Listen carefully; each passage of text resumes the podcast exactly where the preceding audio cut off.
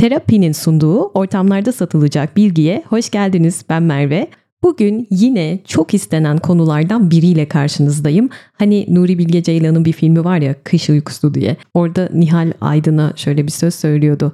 Seninle cebelleşeceğim diye bütün güzel huylarım değişti demişti. Bence filmin en çarpıcı repliklerinden biri buydu. Bugün o cebelleştiğimiz insanları konuşalım istiyorum. Narsistleri konuşacağız, narsisizmi konuşacağız. Bu konu o kadar çok istendi ki artık şöyle düşünmeye başladım. Bence aramızda çok fazla narsist kurbanı var. E, o yüzden bu bölüm narsistleri tanıma rehberi arkadaşlar. Bir de şunu fark ettim. Böyle azıcık biri kendini beğendiği zaman hani onu gözlemlediğimiz zaman hemen damgayı yapıştırıyoruz. İşte bu narsist, kibirli, kendini beğenmiş. tamam okey.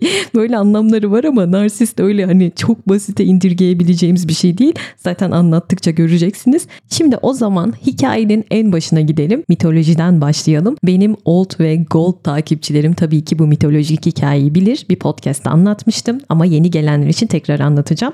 Narsisizmin adı mitolojiden geliyor. Yunan mitolojisindeki Narkisos karakterinden adını alıyor. Bugün narsisizm dediğimiz bu arada narsizm diyesim geliyor ya. Narsisizm diyemiyorum. Yanlış söylersem kusura bakmayın. E, bu ruhsal problemi adını veren kişi mitolojideki Narkisos karakteri. Aman tanrım mitoloji 30 bin tane karakter var şimdi beynimiz yanacak demiş olabilirsiniz. Hayır oldukça basite indirgeyerek anlatacağım arkadaşlar merak etmeyin. Mitoloji deyince herkesin bir gözü korkuyor çünkü. Neden? Çünkü çapkın Zeus'un maceraları hiç bitmiyor. Şimdi Zeus'u hepimiz biliyoruz. Baş tanrı. E, onun bir karısı var Hera. Zeus sürekli karısına ihanet ediyor. Hera da hep onun böyle peşinde koşup duruyor yakalamak için ihanetlerini. Hatta Zeus Hera'yı oyalaması için onun yanına bir su perisi olan Eko'yu gönderiyor. Hera da genelde zaten durumu anlar. İşte yine bir gün Zeus çapkınlık turuna çıkıyor. Hera'nın yanına da onu oyalaması için bu su perisi olan Eko'yu gönderiyor. Hera oyalandığını anlıyor ve Eko'yu cezalandırıyor, onu lanetliyor ve artık Eko gerçekten Eko'ya dönüşüyor. Yani yankıya dönüşüyor. Hani böyle bir kuyunun içine bağırırsınız, sesiniz size geri döner, yankılanır ya Eko deriz ona. Müzik şargonunda Eko'dur bu. Adını da Yunan mitolojisindeki bu su perisinden alıyor. Neyse e, Eko lanetleniyor ve artık sadece karşısındakinin son sözlerini tekrar edebilen birine dönüşüyor. Narsisizmi adını veren Narkisos'a dönecek olursak daha ilk doğduğu zaman bir kehanet söyleniyor onun hakkında. Bir kahin annesinin yanına gelip diyor ki Narkisos hakkında oğlunun ömrü kendini bilmediği sürece uzun olacaktır diyor. İşte bu kehanetten yıllar yıllar sonra Narkisos büyüyor, genç bir delikanlı oluyor ama o kadar yakışıklı ki onu gören böyle gözlerini alamıyor ve bu onun adeta laneti oluyor güzelliği, yakışıklılığı ve Narkisos hiç kimsenin aşkına karşılık vermiyor. İşte aşkına karşılık vermediği kişilerden biri de Eko yani su perisi. Eko bir gün e, Narkisos'u ormanda avlanırken görüyor ve adeta vuruluyor ona. İlk görüşte aşk ve Narkisos e, ağacın arkasından birinin onu gözetlediğini hemen anlıyor ve kim var orada diye sesleniyor ama Eko lanetlendiğinden dolayı Narkisos'un sadece son söylediği sözleri söyleyebiliyor ve ona geri söylüyor söylediklerini. Orada, orada diye yankı şeklinde bir cevap geliyor Narkisos'a. Sonra Narkisos'a doğru kollarını açarak koşuyor ama Narkisos onu rahat bırakmasını istiyor. Hani ondan uzaklaşıyor, aşkına karşılık vermiyor ve Eko Narkisos'u bir türlü aklından çıkaramıyor. Yani kara sevda gibi bir şey. O kadar acı çekiyor ki aşkı yüzünden maalesef hayatını kaybediyor ve zavallı Eko'nun ardında sadece kemikleri kala kalıyor ve kemikleri de zamanla kayalara dönüşüyor. Sesi ise kayalardaki yankılara dönüşüyor ve Eko'nun düştüğü bu hali gören Olimpos tanrıları Narkisos'u cezalandırmaya karar veriyor Narkisos yine bir gün avlanmaya çıkıyor. Çok yoruluyor. Nehrin kıyısına gidiyor. Tam böyle su içmek için nehre eğiliyor ve o anda suda kendi yansımasını görüyor. Tıpkı bir ayna gibi ve o an gerçekten dona kalıyor. Gözlerini sudan ayıramaz oluyor. Çünkü sudaki yansımasına yani kendisine delicesine aşık oluyor. Yemeden içmeden kesiliyor ve günden güne erimeye başlıyor ve en sonunda Narkisos kendine kavuşmak isterken kendi aşkına suya düşerek boğuluyor ve Narkisos'u arayanlar onun bedeninin yerine dünyanın en güzel çiçeklerinden birini buluyorlar. Nergis çiçeği, Narkisos'un çiçeğidir Nergis çiçeği. Nergis'i ben de çok seviyorum kokusunu. Yani muhteşem bir güzelliği var ama buna rağmen aynı zamanda da zehirli biliyorsunuz. Ve güzelliği simgeleyen çiçeklerden biridir. İlkbaharda böyle donmuş toprağa yararak çıkar. Baharın simgesidir, aşkın simgesidir, güzelliğin simgesidir ve adını da mitolojideki Narkisos karakterinden alır. İşte hikayesi böyle arkadaşlar. Peki nedir bu narsisizm? Psikoloji literatüründe 1800'lü yılların sonunda karşımıza çıkıyor. Epey de bir geçmişi var gördüğünüz gibi. İlk defa insan cinselliğini inceleyen hatta eşcinsellik üzerine ilk İngilizce tıp dersi kitabını yazan kişidir. İngiliz doktor Henry Ellis bu konudan bahsediyor. E, bu mitolojik öyküyle ilişkilendiren kişi de zaten o patolojik kendi kendine odaklanma diye açıklıyor. Akıl hastalığı olarak tanımlamış narsisizmi 1898'lerde. Hatta yoğun otoerotizm veya kişinin kendi cinsel bedeniyle meşgul olma bu durumları betimlerken narsisizmi işte bu Yunan miti üzerinden tanımlamış. Ondan sonra işte bu konuyla ilgili araştırmalar başlıyor. Çok detaya girmek istemiyorum böyle akademik şeylerden bahsedip sizi sıkmayacağım ama ilk defa psikanalitik bir makalede 1911'de yayımlanmış. Bu makalede de narsisizm e, kişinin benliğini tensel olarak sevmesi diye geçiyor. Kibir ve kendine hayranlık olarak ele alınıyor. E sonra zaten Freud durur mu? Hemen bu meseleyi el atıyor. Hatta kitabı da var okumak isterseniz narsisizm üzerine. Yani bugün anlatacaklarım yine bu işin uzmanlarından olacak. Şimdi narsisizmin en önemli unsurları kibir, kendini beğenmişlik, azamet ve gösterişçilik. Ve narsisizmde kişi kendi bireysel tecrübelerine, benliğine, fiziksel özelliklerine, kendi davranış ve isteklerine buraya dikkat, kendi amaçlarına, kendi ihtiyaçlarına, kendi kusursuzluğuna ve üstünlüğüne yoğunlaşır. Dikkat ettiyseniz hep kendi dedim. E, narsisizm de bu zaten. E, hatta Cambridge Sosyoloji Sözlüğü'nde şöyle geçiyor. Tüketim toplumunun ve batının teşhircilik takıntısının bir neticesi olarak geçer narsisizm. Gerçekten üzerine düşünülesi bir açıklama bence bu. E, ruh bilimcileri de bunu farklı şekillerde tanımlıyor kavramsal olarak. Genel olarak şöyle söyleyebilirim. Hani bulunmaz Hint kumaşı mısın be kardeşim deriz ya.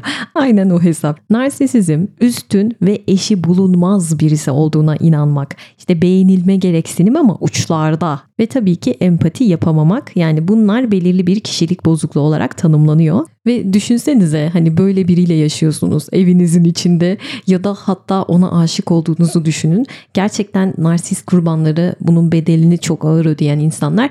Hatta geçen bir arkadaşımla tam olarak bunu konuşuyorduk. Kendisi ağır bir patolojik narsist kurbanı. Üstünden seneler geçti ilişkisinin ama ona rağmen e, hala o ilişkinin enkazını taşıyor maalesef üzerinde. E, geçen de bir uzman psikolog diyordu ki bir narsist kurbanı senelerce kendine gelemez. Gerçekten öyle. Hani bizzat şahidim arkadaşından. E, o kadar güzel bir kız ki bu arada ama adam onu o kadar dibe çekti ki öyle bir değersizleştirmiş ki onu özgüvenini kaybetmişti.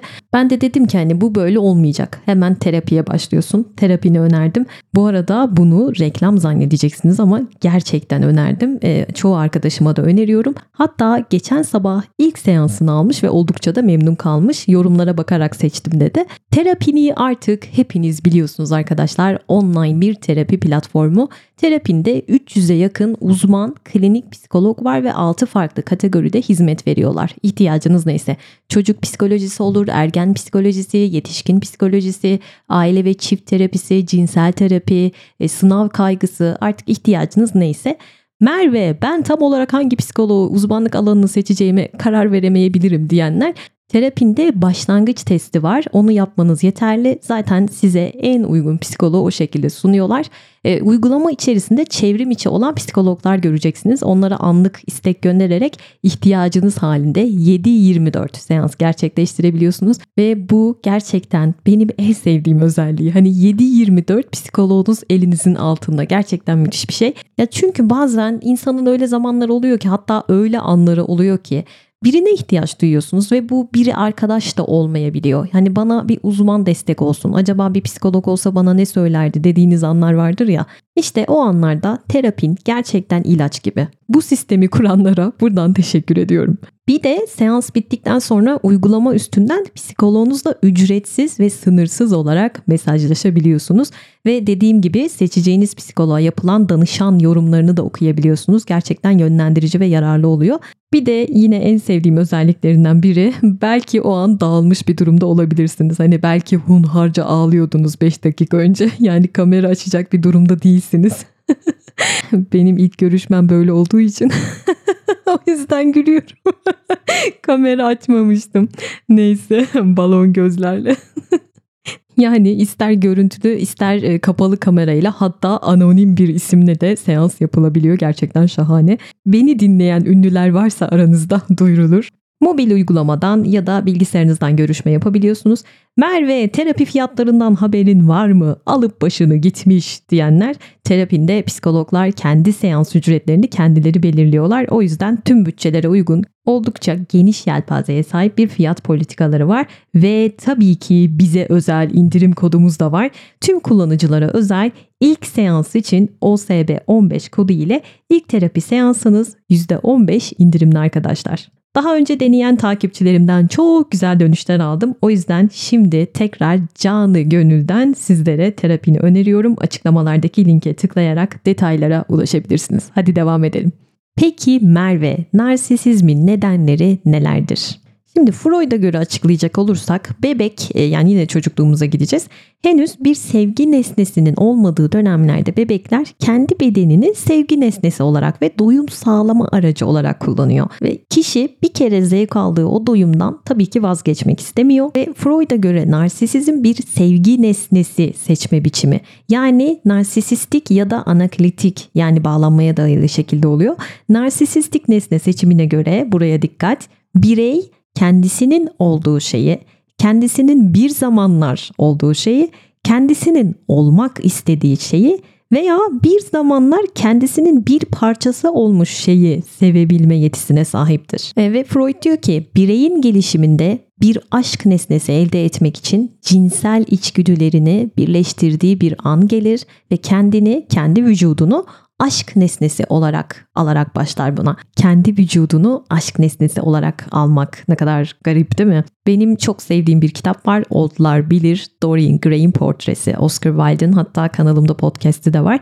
Narsist deyince tabii ki ilk aklıma gelen Dorian Gray oluyor. İşte uçlarda dedik ya uçlarda olan kişi o. Aslında e, narsistik eğilim hepimizin içinde var ve olması da gerekiyor zaten. İnsan tabii ki önceliğine kendisini koymalı. Yani önce insan kendi çıkarlarını gözetmeli değil mi? Bir tık daha diğer insanlardan. Bu normal bir şey, sağlıklı bir şey. Hani ben kendimden önce el alemi düşünüyorsam orada bir sıkıntı vardır bence. Bu dediğim gibi sağlıklı ama bunu uçlarda yaşamak sıkıntı. Oralara geleceğiz az sonra. Peki Merve bir narsist nasıl narsist oluyor? Beni dinleyen ebeveynler lütfen dikkat. 0-7 yaş arasına dikkat edelim çünkü çocuklar o dönemde kendilerini dünyanın merkezi olarak görüyorlar. Yani herkes onların etrafında pervane oluyor. Çocuk böyle işte her şeye hakkı olduğunu düşünüyor ki bunlar da çok normal. E, onlar zaten bize muhtaç. Hani kendi öz bakımlarını yapamazlar, temel ihtiyaçlarını karşılayamazlar. Bizim tabii ki onların imdadına koşmamız lazım. Onların peşinde dolanmamız lazım ama hani bebek doğduğu zaman hani dediğim gibi ilk sevgi nesnesi kendisi oluyor dedim ya az önce. Zamanla o sevgi başkalarına yöneliyor. Kendinden başkalarına yönelmeye başlıyor. İşte gidiyor oyuncaklarını seviyor, dostlar ediniyor, kreşte onları seviyor. Gitgide o sevgisi kendinden başkalarına yönelmeye başlıyor. Sevgisinin genişlediğini görüyorsunuz. Ama Narsistin sevgisi böyle değil işte. O sevgi onda baki kalıyor, kendinde kalıyor, dağılmıyor, dengelenmiyor, kendinde kalıyor.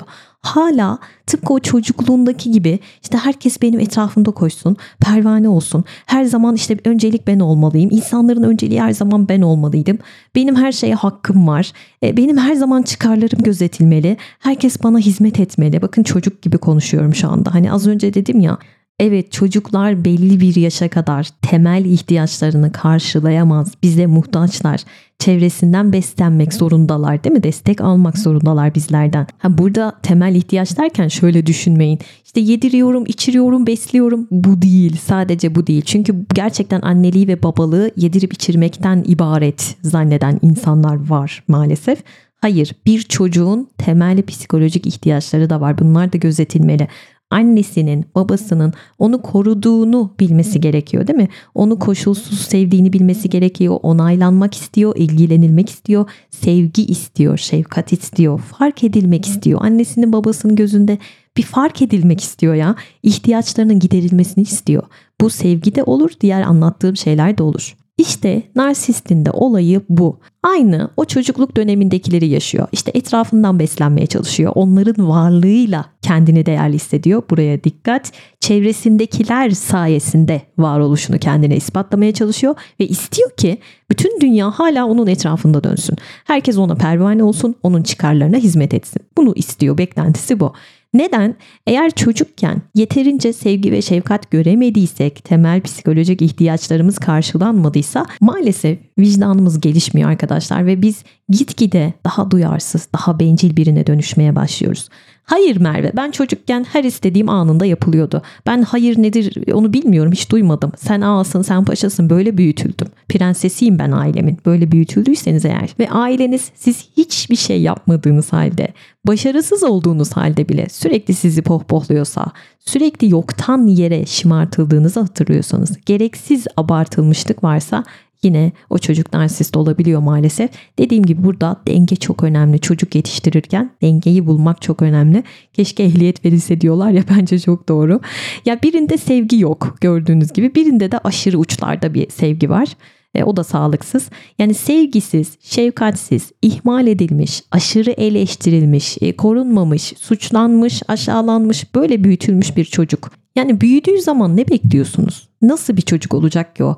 O değersizliğini, o yetersizliğini, o özgüvensizliğini maskelemek için uğraşacak ve belki de narsistik tavırlar sergileyecek değil mi? Sanki böyle kendine çok değer veren biri gibi dışarıya öyle bir imaj çizecek.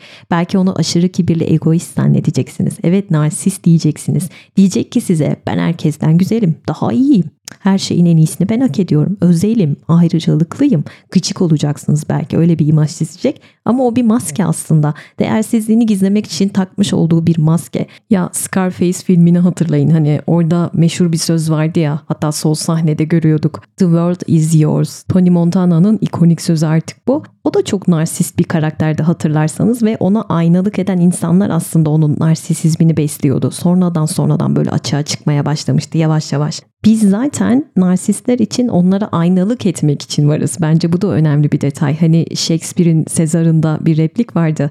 Madem başka bir yerde yansımanı göremiyorsun kendi kendini, ben bir ayna olup sana övmeden seni koyacağım gözlerinin önüne henüz kendi bilmediğin yalanlarını diye. Bir de bu narsistler böyle kendinden üstün gördükleri insanları gözüne kestirir. Buna da dikkat edin. Çünkü neden? Kendi değersizliğini kamufle etmek için. Yine Scarface filmine dönecek olursak Tony Montana'nın o ulaşmaya çalıştığı, aşık olduğu Michelle Pfeiffer yani Elvira karakterini hatırlıyor musunuz? Kadın resmen ateş ediyordu arkadaşlar ve ona ulaşmak için neler neler yapmıştı. Ama sonra ne yaptı? Kadını nasıl aşağıladı? O yemek sahnesinde değil mi? Kadın da onu aşağıladı da gerçi. Tipik bir narsistti ya oradaki o çizdiği profil. Avını böyle elde edene kadar şovunu yaptı. Dünyayı ayaklarının altına serdi. Yani narsistler böyledir. Sizi öyle bir özel hissettirir ki en başlarda. Dersiniz ki ya ben ne kadar şanslı bir insanım. Nasıl bir insana denk geldim dersiniz. Ayaklarınız yerden kesilir. Uçarsınız. Sizi uçurur böyle dağın zirvesine çıkarır. Sonra da oradan arkanıza bir tekme atar. Yani böyle yavaş yavaş düşürmez sizi. Hızlı ve ani bir düşüş yaşarsınız neye uğradığınızı şaşırırsınız ve sonra dersiniz ki her insan gibi ya bu insan başta çok iyiydi. Hani acaba ben bir kusur işledim de böyle mi oldu diye düşünmeye başlarsınız. İçiniz içinizi kemirir, suçu kendinizde ararsınız. Çünkü bir narsist zaten asla özür dilemez. Bunu da bilin. Hani dilerse de şöyle diler. Ya işte aslında ben haklıydım da neyse işte hani büyüklük bende kalsın. Ben özür dilemiş olayım der. Narsist öyle normal insanlar gibi özür dilemez ve bir narsist zaten hatasını, suçunu asla kabul etmez. Çünkü daima o haklıdır içinde bir yerlerde. Aa ama ben e, sevgilimin narsist olduğunu düşünüyorum. Arada sırada bana hak veriyor demiş olabilirsiniz. Neden hak veriyor? Çünkü seni kaybetmek istemiyor. Çabalıyor ki çıkarları var senden çıkarı bitmemiş o yüzden. Çünkü sen gidersen değeri gidecek. E, onun kibrini kim besleyecek sen gidersen. O yüzden çıkarları için bazen sizi kaybetmemek için çabalayabilirler. Ama dediğim gibi kendi çıkarları için bunu yaparlar. Hani sen çok üzüldüğün için falan değil. Ve bir narsistle böyle ilişki yaşarken kendinizi o kadar tedirgin, e, böyle değersiz, ne bileyim böyle paçavra gibi hissedersiniz ya. Tam böyle adını koyamazsınız. Ne oluyor ya dersiniz ama bir adını da koyamazsınız. E, sonra aradan çok uzun bir zaman geçer belki. Çok geç anlarsınız. Çünkü o kadar e, böyle dengesiz bir ilişki vardır ki ortada. Tespit edemezsiniz başınıza gelenleri. Ve e, bu öyle bir şeydir ki aslında Luna Park'ta gibi olursunuz. Hani böyle bir gün dünyanın en mutlu insanısınız. Bir günde düşünürsünüz ya bunu bana nasıl dedi? Bana nasıl böyle bir hakaret etti ya? Bu adam beni çok seviyordu bu kadın diye düşünmeye başlarsınız. Nasıl benim kalbimi bu kadar kırabildi diye düşünürsünüz. Dediğim gibi bir narsistle beraber olmak bir Luna Park'ta hız trenine binmek gibi inişli çıkışta. Yani asla böyle tam anlamıyla kendinizi o ilişkiye bırakamazsınız. Güvenli bir liman olduğunu düşünemezsiniz. İçinizde bir yerlerde bir huzursuzluk vardır. Tamam ya işte ben de bu insanla ömür boyu giderim diyemezsiniz. O his bir türlü gelmez. Çünkü sürekli kavga vardır, barışılır, kavga edilir, sil baştan aynısı aynısı aynısı. Çünkü narsist sizi yanında tutmak için sizi böyle aşk kırıntılarıyla besler. Size arada yem atar, geri çekilir. Ve arada sırada sizi mutlu edebilir, şaşırabilirsiniz. Onunla da idare etmeye çalışırsınız. O süreçte şey düşünürsünüz. Hani sizi mutlu etti ya birazcık. Ya beni seviyor herhalde. Aslında öyle bir şey yok. Yani ilişkinin en başlarında sizi böyle göklere çıkarır, ne kadar güzel olduğunuzu söyler, ne kadar yakışıklısın der, ne kadar değerlisin aman da aman yani. Sonra söyleyen kişi bir bakmışsınız bir süre sonra şöyle diyor. E senin de şuran şöyleymiş. Kaşığının üstünde gözüm varmış. E buranda da şöyle bir kusur varmış. Kusur arıyor resmen ve sizi sürekli kırıyor, paramparça ediyor. Onun yanından ayrıldıktan sonra kendinizi değersiz hissediyorsunuz ya. Yani kendi kilo alsa onu görmüyor ama sizi alıp böyle yerden yere vuruyor, aşağılıyor sizi. Siz samimi bir ilişki istiyorsunuz ama bir türlü böyle tam anlamıyla o derinliği, o samimiyeti yakalayamıyorsunuz. Bir şeyler eksik dediğim gibi. Ne cennetteyim ne cehennemdeyim. Araftayım diyorsunuz bu ilişkide ve artık yolun sonunu göremiyorsunuz. Hani böyle sis bombası atılmış gibi yolunuza. Aslında en başlarda o siste yolunuzu kendiniz bulabilirdiniz ama şimdi onsuz bulamazmışsınız gibi hissediyorsunuz. Çünkü bir narsist daima kurbanlarını böyle bağımlı insanlardan seçer. Kendine çok güzel bağlar yani. Neden? Çünkü ister ki güç, hep benim elimde olsun, bana bağımlı olsun ve sürekli şu tedirginliği yaşarsınız. Ay şimdi acaba neye kızacak, neye laf edecek, neyi kıskanacak bunları düşünürsünüz. Beni çok kıskanıyor diye düşünebilirsiniz. Beni çok seviyor canım ya. Çok kıskanıyor beni. Halbuki öyle bir şey yok. Yani kıskandığı şey sen değilsin. Seni kontrol etmeye çalışıyor. Kendi çıkarları için seni kontrol altında tutmaya çalışıyor. Her şeyine karışıyor ki güç gösterisi yapsın. Gücün onda olduğunu bil. Ve seni bir kukla gibi böyle iplerinle tepeden idare etmeye çalışıyor. Bu arada erkeklerde bir tık daha fazlaymış bu narsisizm. E, ve size böyle küçük bir çocuk muamelesi yapıyor. İşte ne giyeceğine karışıyor, ne yiyeceğine karışıyor. Seni kontrol etmeye çalışıyor. Siz de bunu ilgi alaka zannediyorsunuz. Ve bir anda korkunç böyle sevgi gösterileri yapıyor. Sizi hediyelere boğuyor ve bir anda da terk ediyorlar. Yani sevgisi de çok şiddetli terk etmesi de neye uğradığınızı şaşırıyorsunuz. Sonra da olay mahalline geri dönüyorlar. Sanki bütün bu olanları o yapmamış gibi o kadar kötü sözü, o kadar hakareti o söylememiş gibi ne var canım ya bunda diyorlar. Ha bu arada geri dönme sebebini de şey zannetmeyin. Beni çok seviyor ya ben sizi yaşayamıyor. Öyle bir şey yok. Burada tek amacı hala sizin üzerinizdeki etkisini görmek, kontrolünü görmek. Çünkü tatmin olacak bundan. Eğer ola ki siz terk ettiyseniz bir narsisti bu sefer o sizi terk etmek için geri döner. Hani gücün kimde olduğunu sana ispatlayacağım. bir de şey derler ya sen de amma abartıyorsun ya. Bir de bayıl istersen Fera. Ne dedim sanki? Ne kadar alınıyorsun, ne kadar duygusalsın. Halbuki 32 yerinden bıçaklamış sizi. ya biraz uzaklaşalım demek istemiştim. İkimiz için de iyi olur demeye çalıştım. Hemen yanlış anladın ya. İnanılmaz iyi manipülasyon yaparlar. Dikkat. E aslında oradaki olay sizin duygularınızı kontrol etmek. Hani canı nasıl istiyorsa bir narsist size hakaret edebilir. Kendine bunu hak görür ve sizin orada durmanızı bekler. Hani o istediği lafı söylesin. Siz de onları yutun. Bunu bekliyor. Çünkü o daima haklıdır arkadaşlar. Kendine her şeye hak görür. E zaten bizler e, onlar için bir eşyadan farksızız. Hani böyle mutfakta sarı bezler vardır ya iş yaparsınız yaparsınız sonra işiniz bitince sıkıp bir kenara koyarsınız. Bir narsist için biz o sarı beziz. İşi bitince böyle sıkıp kaldırıp atıyor bir paçavra gibi. Sonra artık usanırsınız. Tamam ya lanet olsun artık bitti dersiniz. Aradan işte bir hafta geçer ya da bir yıl geçsin hadi. Tekrar mesaj atar ve hiçbir şey olmamış gibi bir mesajdır bu. Ne haber canım ya? Geçerken seni gördüm. Nasılsın? Çünkü şu mantıkta narsist. Ya ben ne yaparsam yapayım hani istediğim küfür hakareti edebilirim. Bana geri dönecek zaten. Hani beni sevecek bu mantıkta. Ha olur da geri dönerseniz inanıp ne yaşayacağınızı söyleyeyim. En başta yine sizi göklere çıkaracak. Yine böyle ay diyeceksiniz ne kadar şanslıyım. E sonra yine sizi o göklerden aşağı atacak. Aynı şeyleri tekrar tekrar yaşayacaksınız. Ve bir narsist arkadaşlar sadık değildir. Bunu da bilin. Sürekli kendisine yeni yeni kurbanlar arar.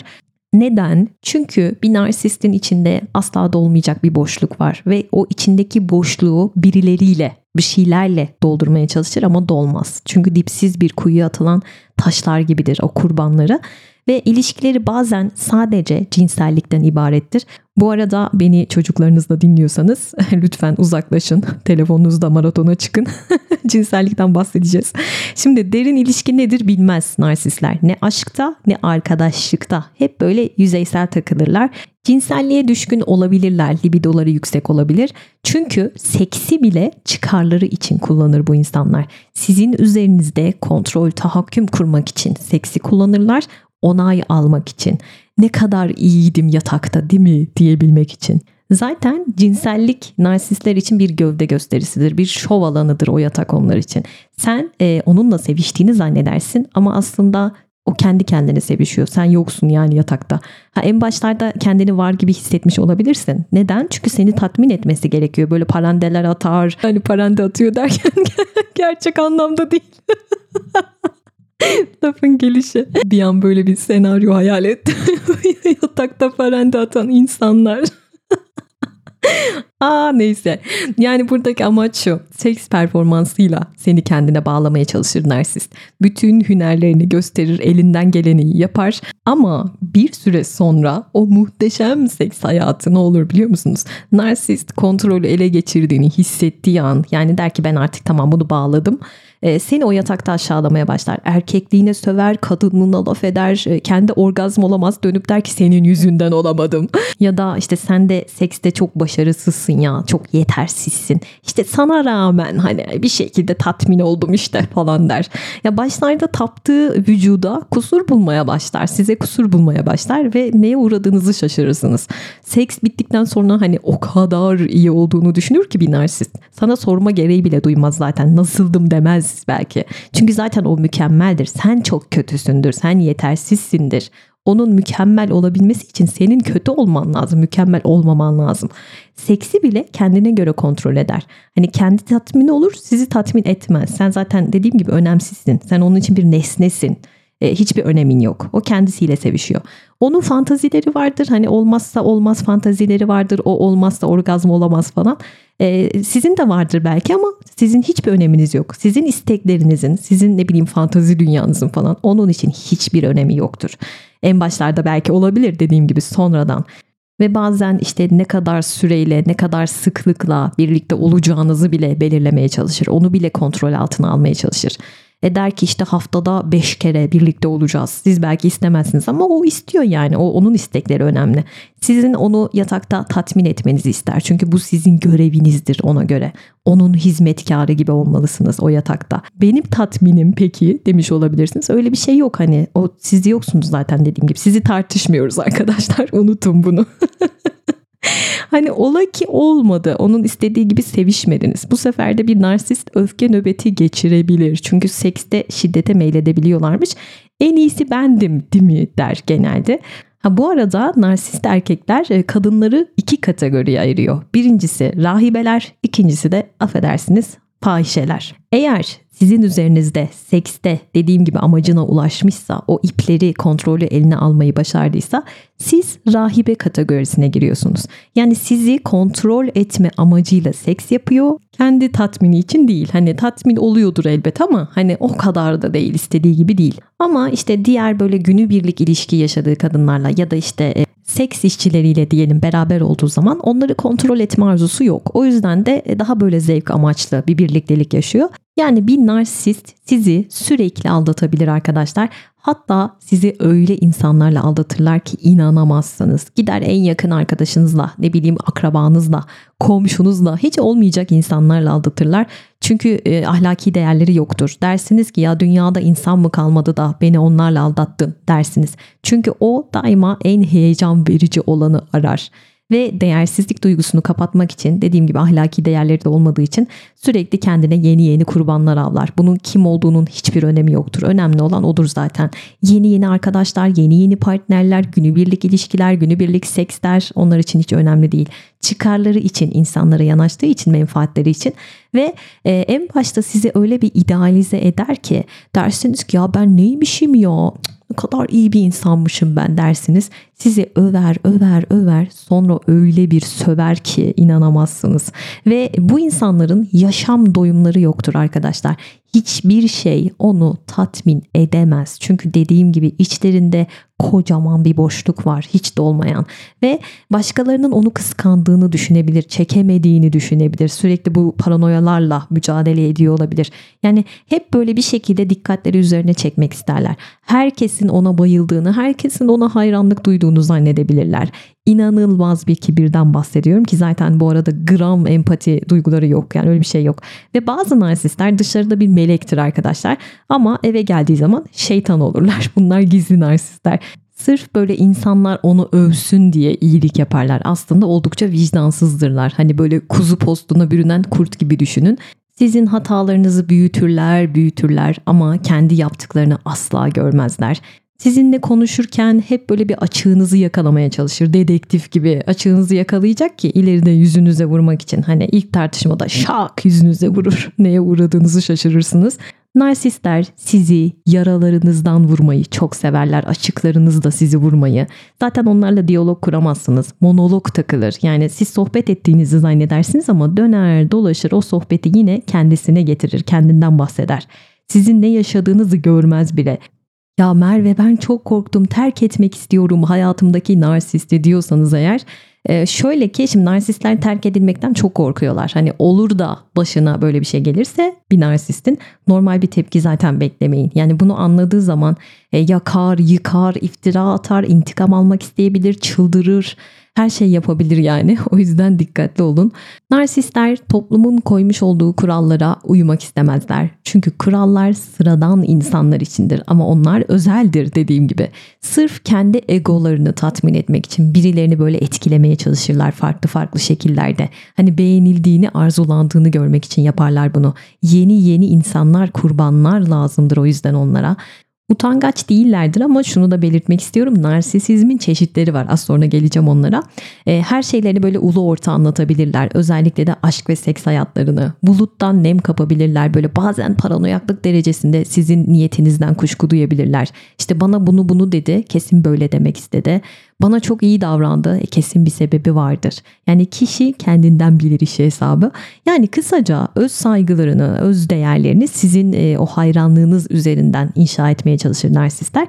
Başkalarına bağımlıdır bu yüzden. İnsan bağımlısıdır bunlar. Ve yanlarında taşıdıkları insanların bazen böyle dikkat çekici biri olmasını isteyebilirler. Hani kendi değerini el aleme ispatlamak için. Hani bakın işte ben de böyle biriyle beraberim. Ne kadar çekici. Hani beni seçti çünkü ben muhteşemim diyebilmek için. Vefa duyguları yoktur. Yani yüzeysel ilişkiler kurar insanlarla. Onlarla böyle uzun soluklu bir yolculuğa maalesef çıkamazsınız. Ha bir de böyle biriyle oldu ki evlendiniz. Boşanmanız da çok zor. Çünkü o bile onlar için bir başarısızlık. Hani bo- boşanmak onlar için bir başarısızlık. Evliliği üzerinden bile prim yapan narsistler var. Hani kendince e, evliliğe işte aile ilişkilerine bir değer atfediyor ama bizim atfettiğimiz değerlerden çok daha farklı. Hani bu eş rolünden e, ya da işte baba rolünden ya da anne rolünden e, kendine bir şekilde takdir ve beğeni toplamaya çalışıyor. O yüzden öyle kolay kolay bırakmaz, vazgeçmez evliliğinden bir başarı hikayesidir bu narsistler için. Her şeyden dediğim gibi bir çıkar sağlamaya çalışıyor. Buradan da bir çıkarı var. Hatta e, çocuklarının böyle çok başarılı, ne bileyim çok güzel falan olmasını ister. E, onlarla çünkü kendine değer katmaya çalışır. Onlarla övünür, şov yapmaya çalışır. Hani bakın ben nasıl bir anayım, nasıl bir babayım diyebilmek için. Love Life filminde şöyle bir replik var.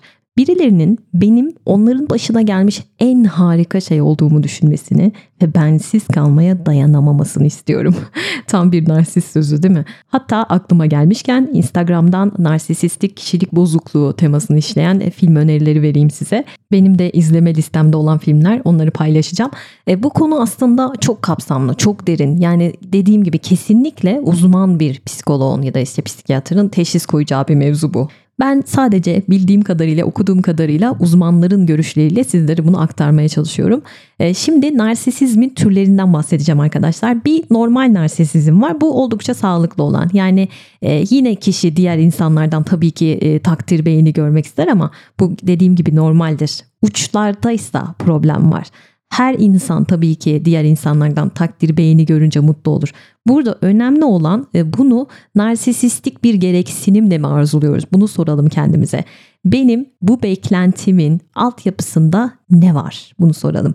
Çünkü normal narsisizmde zaten bir özgüven doygunluğu olduğu için e, kişi eleştirilerle çok rahatlıkla baş edebilir. E, çevresindekilerin görüşünü yine önemser ama bir narsist gibi önemsemez. Buralarda farklar var. Yani kendi görüşünden öne insanların görüşlerini koymaz. E, kendisiyle ilgili görüş ve düşünceleri zaten vardır. Bunlara odaklanır. Yani ya ben işte birileri beni beğensin, işte benimle ilgilensin, beni sevsin istiyorum. Acaba ben narsist miyim Merve diye düşündüyseniz hemen Tabii ki de öyle düşünmeyin, panik olmayın. İnsanız bunlar gayet normal şeyler. Sağlıklı bir dozda dediğim gibi. Patolojik narsisizm diye bir şey var.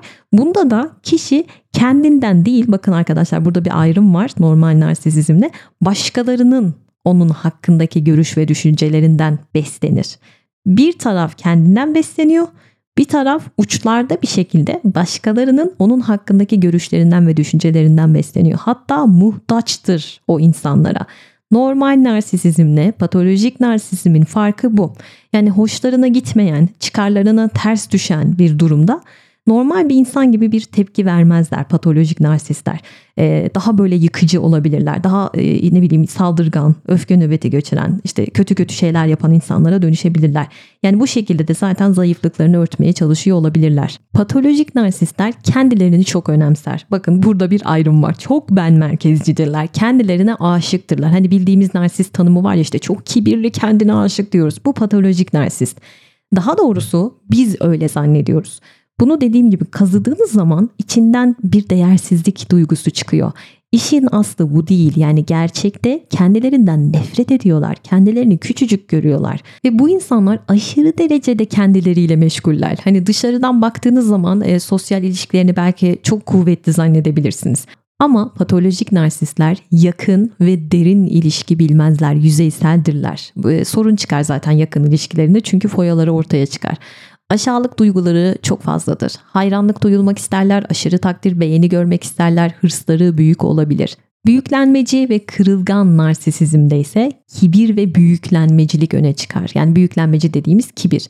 Hatta bazıları bu kibrini alçak gönüllülükle kamufle eder anlamazsınız bile. Narsisizmi bu boyutunun temelinde sömürücülük var arkadaşlar. Düşük empati yeteneği işte sömürücülük insanları sömürmeye çalışıyor. Kıskançlık olabiliyor. Agresyon işte gösterişçilik bunlar hakim olabiliyor. Kibir adı üstünde ve e, bu narsisistik özelliklere sahip olanlar olumlu bir kendilik algısı oluşturuyor kendince ve bunu sürdürebilmesi gerekiyor. İşte bunun için çabalıyor. Arka plandaki çabanın o altyapısında bu var. Başkalarının hayranlığını elde ederek benliklerini yüceltmeleri gerekiyor. Çünkü zayıflıklarını ancak bu şekilde kamufle edebilirler ve diğer insanları değersizleştirerek kendilik saygılarını yükseltmeye çalışıyorlar. Yani biri sizi sürekli aşağılıyorsa böyle zaten o değerli olmak için sizi değersizleştiriyor. Yeterli olmak için sizi yetersiz hissettiriyor bir narsistse karşınızdaki. Yani bu insanlar başkalarının ihtiyaçlarına karşı o kadar duyarsızlardır ki ve şişirilmiş bir kendilik algıları değerleri vardır asla gerçekçi olmayan, ayakları yere basmayan bir kendilik değerleri vardır. Güce, başarıya, belki güzelliğe yönelik böyle yoğun fantazileri vardır. Terk edilmekten korktukları için bütün yatırımı o kibirli kendiliğine yaparlar. Büyüklenmeci kendiliğine yaparlar.